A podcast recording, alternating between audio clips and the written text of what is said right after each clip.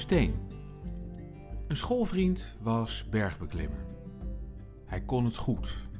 Hij deed in vakanties nooit iets anders. De schoolvriend was lang en zo sterk dat hij zichzelf aan één vinger omhoog kon trekken. Op de eerste dag na de herfstvakantie vertelde hij dat een andere klimmer van zijn groep onder zijn ogen was doodgevallen. Als ik het me goed herinner, leefde hij nog een klein beetje na de val, maar was er geen redden meer aan. Bij de volgende vakantie ging mijn vriend opnieuw klimmen. Waarom wil je in godsnaam weer zo'n berg op? vroeg ik.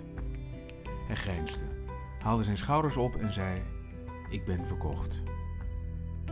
Dat was een groot en goed antwoord op een domme vraag. Onze verlangens zijn onkenbaar voor anderen en meestal ook voor onszelf. Je geeft eraan toe of je wordt erdoor verteerd. Je bent verkocht. Waarom wil je een berg op? Omdat die er staat. Op een warme lentedag in 1879 struikelde de postbode Ferdinand Cheval over een steen in de omgeving van het kleine stadje Auterive. De steen werd de eerste van zijn Palais Ideaal.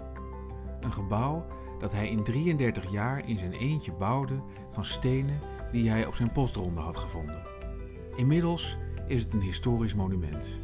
Het enige voorbeeld van naïeve architectuur in de wereld.